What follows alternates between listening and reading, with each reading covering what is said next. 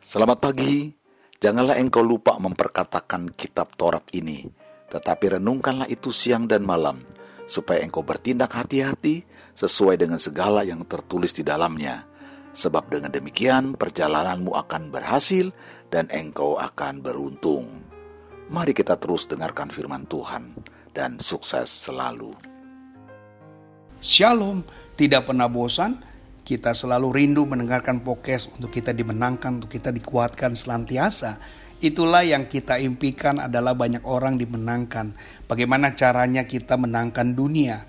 Ya, judul kita hari ini menangkan dunia lewat pujian. Ya, ternyata pujian itu luar biasa loh.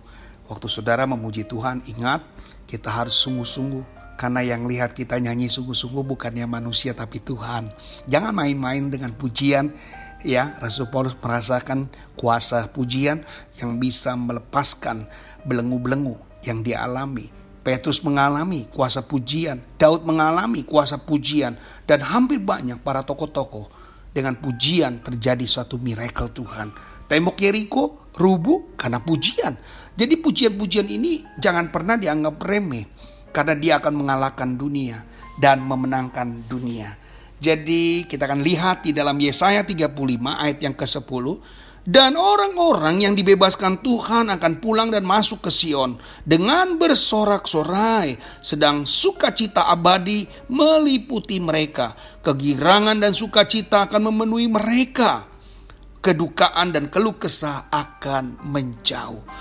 Keluh kesah, kedukaan, akan menjauh jika saudara dan saya memiliki kegirangan dengan sukacita yang abadi dengan bersorak-sorai. Jadi realita iman Kristen ini memang begitu mulia, masyur, indah, berharga. Dan tidak mungkin akan menjadi sempurna diungkapkan hanya dalam bahasa lisan dan tulisan. Realita kebenaran iman harus dinyanyikan. Kita kalau senang pasti dilarikan dengan pujian Orang-orang India suka duka apa saja mereka larikan dengan pujian. Dan hari ini ekspresi jiwa juga Raja Daud dilarikan dengan pujian. Nyata-nyata hari ini banyak orang yang sakit selalu diiringi dengan lagu-lagu pujian. Saat dia pergi berjauhan dengan siapa pun dibarengi dengan pujian, naik mobil dengan macet-macet, lalu diiringi juga dengan puji-pujian. Seperti saudara hari ini, mungkin sudah sedang mendengarkan podcast, lagi sedang bekerja, lagi sedang duduk di kantor, atau sedang mengendarai kendaraan. Rasanya saudara senang banget untuk mendengar podcast ini, karena saudara melihat ada banyak berkat-berkat. Nah, saya percaya ternyata pujian ini adalah pemberian Allah untuk saudara memuliakan Tuhan. Allah memang suka untuk dimuliakan dalam hidup kita oleh karena itulah kita diciptakan. Ya, ketika dia menemukan kepuasan hanya di dalam dia, sukacita kepada Allah adalah ukuran. Itu merupakan sebuah harta karun, harta karun Allah yang begitu besar dengan bahasa lisan yang tidak mungkin kita bisa ekspresikan, maka kita berikan kesetiaan kasih kita dengan pujian. Bagaimana kita harus uh, menyanyikan kesukaan orang percaya untuk memenangkan dunia? Tadi kalau saudara lihat malam Mazmur 92 ayat 3 katakan nyanyian kesukaan mengutus kekasih Kristus kepada bangsa-bangsa. Markus 14 ayat 26 nyanyian pujian menopang umat Tuhan dalam kesukaran. Karena nyanyian pujian itu merupakan kekuatan kita dalam penderitaan. Dan dalam Yesaya 24 ayat 14 sampai 16 bicara nyanyian kesukaan adalah tanda kemenangan Kristus sebagai raja yang akan datang. Jadi gak ada alasan untuk kita tidak memuji Tuhan. Sebelum Yesus dan seluruh penghuni surga turun berperang melawan seluruh raja-raja di dunia, nabi-nabi palsu yang dipimpin oleh si binatang itu dalam Wahyu 19 dipenuhi dengan pujian. Tanda kemenangan Kristus sebagai raja yang memerintah dan akan ditandai juga dengan pujian kesukaan. Kristus akan mendapatkan pujian tertinggi, penghargaan dari surga sebagai penghuni surga. Dia akan mendapatkan pemulihan dalam kedamaian sejati. Jadi hari ini percayakan dalam hidup Anda untuk Anda bisa memahami kenapa kita harus memuji, kenapa kita harus meninggikan nama Tuhan. Karena kesukaan Allah adalah pujian. Jadi harga mati buat orang-orang Kristen yang mengasihi Tuhan, kembalikan semua lewat dengan pujian. Maka oleh karena itu saya mulai hari ini mengambil satu keputusan untuk saudara tidak pernah uh, lupa mulut saudara untuk memasyurkan Allah lewat pujian. Karena ada banyak kebesaran kejanji Allah lewat pujian itu.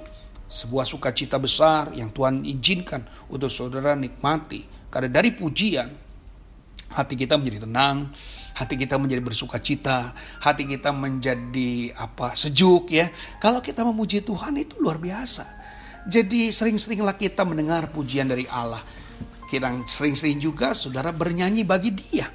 Jadi saya tadi sudah mulai bahwa saudara ketika memuji Tuhan, jangan saudara tutup mulutmu dan hanya menjadi orang yang menikmati seperti uh, menonton studio atau saudara menikmati bahwa saudara sedang uh, mendengarkan sebuah show, ya pujian bukan sebuah show tetapi praktek langsung untuk menyatakan uh, cinta saudara kepada Tuhan, menyatakan kasih kita kepada Allah.